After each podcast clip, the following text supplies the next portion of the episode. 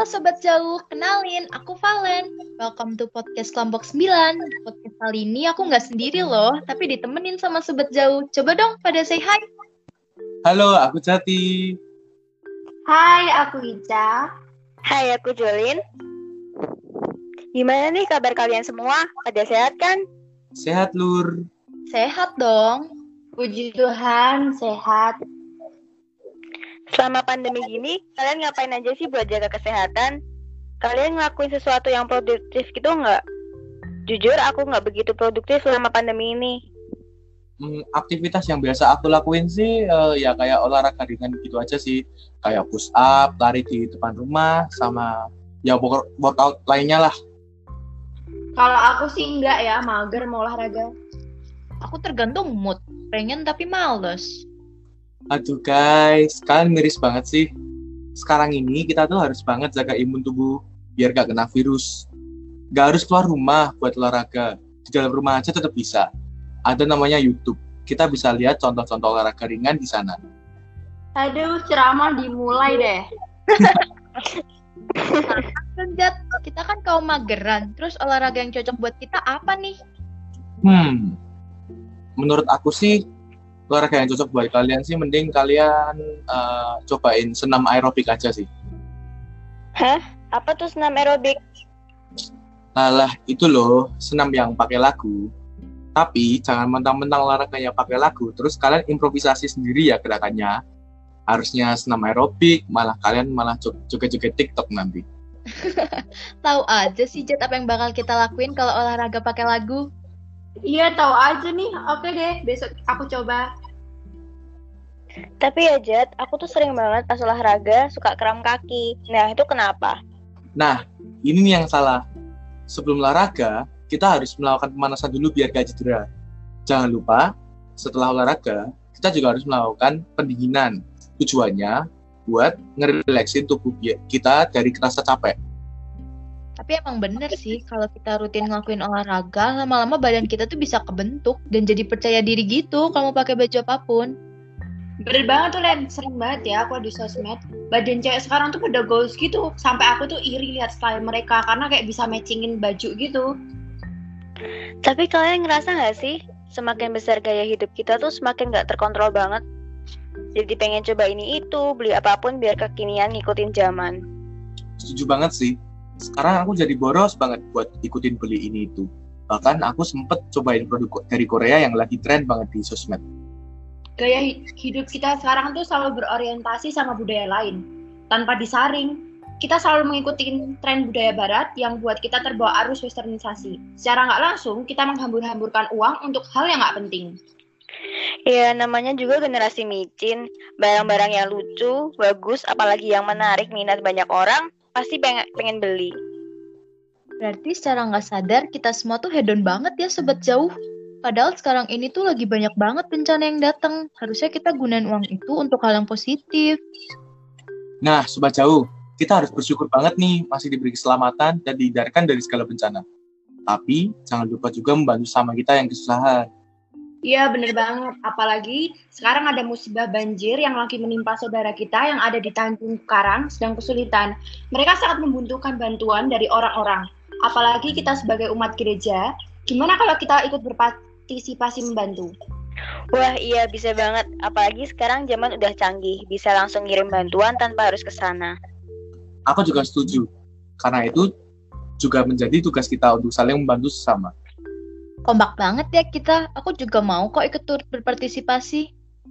Eh, ngomongin tentang partisipasi, aku jadi inget nih zaman sebelum kemerdekaan. Gimana gimana? Zaman di mana lagi ada kekosongan kekuasaan di tanggal 15 Agustus. Karena tanggal 6 Agustus, kota Hiroshima Jepang dijatuhi bom pertama sama Amerika. Terus, di tanggal 9-nya, Amerika ngejatuhin lagi bom kedua di Nagasaki dan masih di tanggal itu juga, Jenderal Terauchi manggil Soekarno-Hatta sama Rajiman ke Dalat Saigon, Vietnam. Yalah, terus habis Jenderal Terauchi manggil mereka, mereka berangkat gak? Mereka baru berangkat di tanggal 12 Agustus. Nah, di sana, Jenderal Terauchi negesin kalau Jepang nyerahin ke kemerdekaan ke Indonesia. Saat balik lagi ke Indonesia, tanggal 14 Agustusnya, mereka tuh didesak sama Sultan Syahrir buat proklamasi kemerdekaan. Terus mereka langsung proklamasi kemerdekaan Indonesia? Belum, mereka masih nyari momen yang tepat. Nah, karena adanya kekosongan kekuasaan, di tanggal 16 Agustus, pagi-pagi banget golongan muda salah satunya Soekarni, nyulik Soekarno dan Hatta ke Rengas Tenggo untuk merencanain proklamasi. Tapi mereka balik lagi ke Jakarta kan? Mereka bikin teks proklamasinya di rumah Laksamana Maida kan? Iya, bener banget. Malamnya mereka balik ke Jakarta. Dan di rumah Laksamana Maida, mereka buat teks proklamasi. Teksnya itu diketik sama Sayuti Malik. Paginya di tanggal 17 Agustus jam 10, di Jalan Pegang Saan Timur nomor 56, Soekarno-Hatta membacakan teks naskah proklamasi kemerdekaan Indonesia. Wah, saya pasti ada orang-orang lain kan yang ikut berpartisipasi buat merjuangin kemerdekaan. Pastinya ada dong. Nih, yang mengabadikan peristiwa-peristiwa proklamasi ada Frans Sumarto Mendur. Yang ngibarin bendera merah putih ada S. Suhud, Latif Hedraningrat, dan Rimurti. Yang menyiarkan kabar Indonesia Merdeka ke seluruh penjuru tanah air ada BM Diah. Yang bertugas mengamankan jalannya upacara proklamasi ada Dr. Muardi. Wartawan Dome yang memasuki gedung siaran RRI dan menyerahkan naskah proklamasi ke, ke kepala bagian sidang ada Syahrudin. Dan yang terakhir, karena belum semua dengar kemerdekaan Indonesia, akhirnya Wus dan Yusuf Ronodipuro nyiarin ulang kemerdekaan Indonesia. Ternyata banyak banget ya tokoh-tokoh yang ikut berpartisipasi dalam kemerdekaan Indonesia. Duh, bahas tentang rumah Laksamana Maida, aku jadi keinget sama rumah nenek aku. Jadi pengen cepat pulang kampung rasanya. Emang kamu nggak tinggal sama nenek kamu?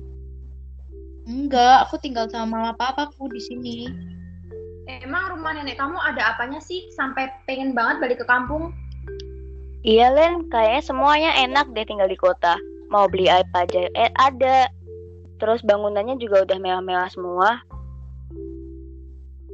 Ye, jangan salah tahu tinggal di kampung tuh vibesnya enak banget. Apalagi di rumah nenekku tuh nyaman banget buat layah-layah. Sena apa sih sampai kamu mau cepet-cepet balik kampung? Gini loh, rumah nenek aku tuh masih yang tradisional gitu modelannya. Bangunannya masih pakai kayu dan lantai masih pakai semen juga. Sederhana banget lah pokoknya. Udaranya kalau pagi tuh sejuk banget, tapi emang kalau siang panas banget. Soalnya di sana jarang ada yang pakai AC. Tapi rumah kamu yang sekarang kan udah bagus, Len. Ngapain sih mau cari yang susah?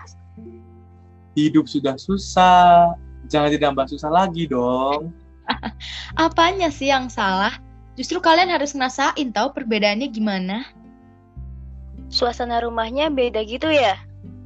Iya, beda banget. Kalau di rumah papaku kan modelannya udah modern banget.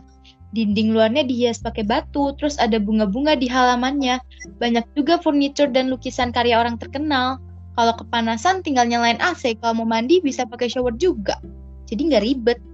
Oh, berarti rumah kamu tuh kayak rumah kekinian di Eropa gitu ya? Iya, papa aku sengaja milih desain rumahnya kayak bangunan di Eropa gitu. Jadi terkesan klasik modern gitu. Hmm, bisa nih jadi inspirasi kalau aku mau bangun rumah di masa depan nanti. Ya elah Jad, mikir dulu atuh nilai kamu, baru bikin rumah. Tapi rumah Valen emang PW banget buat leye-leye. Terus di sana juga nggak pengap sama sekali buat nafas. Iya, aku pernah ke rumah Valen, rumahnya kayak kekinian banget. Rumah kayak rumah di luar negeri gitu modelnya. Iya, nggak pengap. Soalnya papa aku request atapnya nggak pakai asbes. Soalnya atap asbes bisa ganggu pernafasan kita. Jadi biar kesehatan kita nggak keganggu. Papa kamu detail banget ya buat masalah rumah. Jadi pengen coba main ke rumah kamu, Len. Pasti nyaman banget deh. Bener, enak dan nyaman banget buat ditinggalin bertahun-tahun.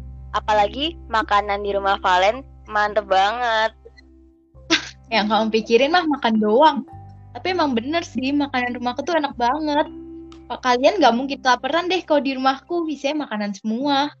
Waduh, pas banget nih perut aku lagi keroncongan. Eh, by the way, aku tuh suka banget sakit perut karena jarang makan.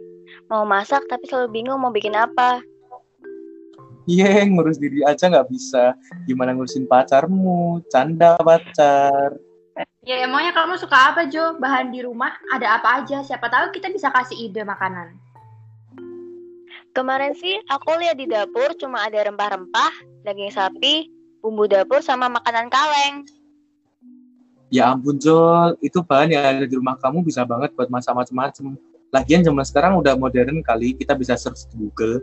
Jangan kayak orang kuno ah. Um, aku ada ide tuh mau dimasak apa? Apa tuh? Kasih tahu dong. Rendang. Kamu bisa gak buatnya?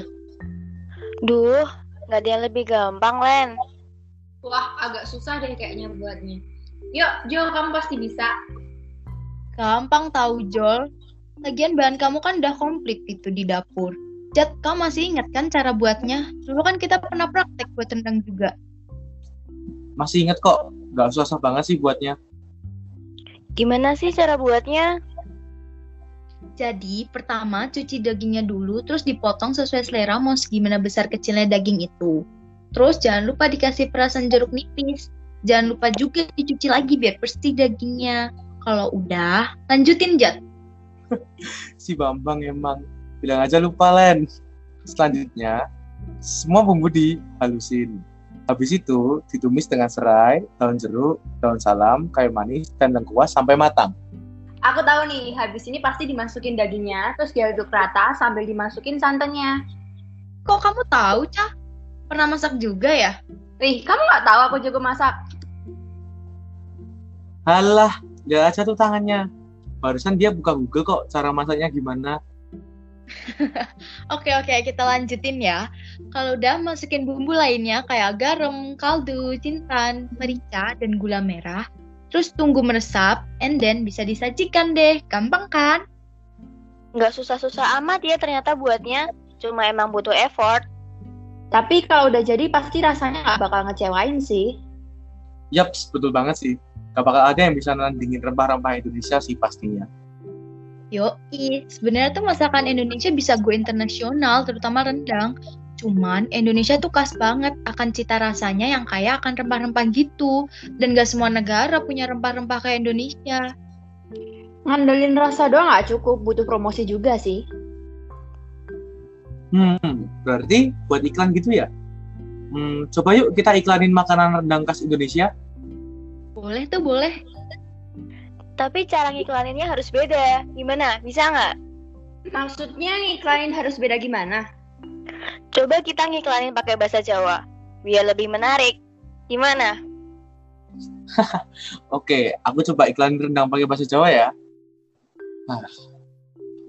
Rendang, panganan enak saka Minangkabau. Sedep lan gurih, cocok dipangan karo keluarga. Ayo ayo, foto tuku rendang.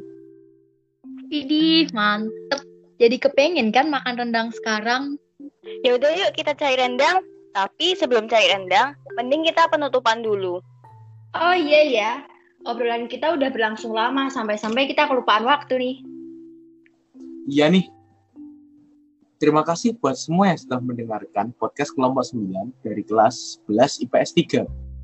Semoga podcast kami memberikan hiburan dan juga pengetahuan yang menarik. Jaga juga tubuh kalian agar tetap sehat. Terima kasih dan Salam, Salam. Persiap. bye!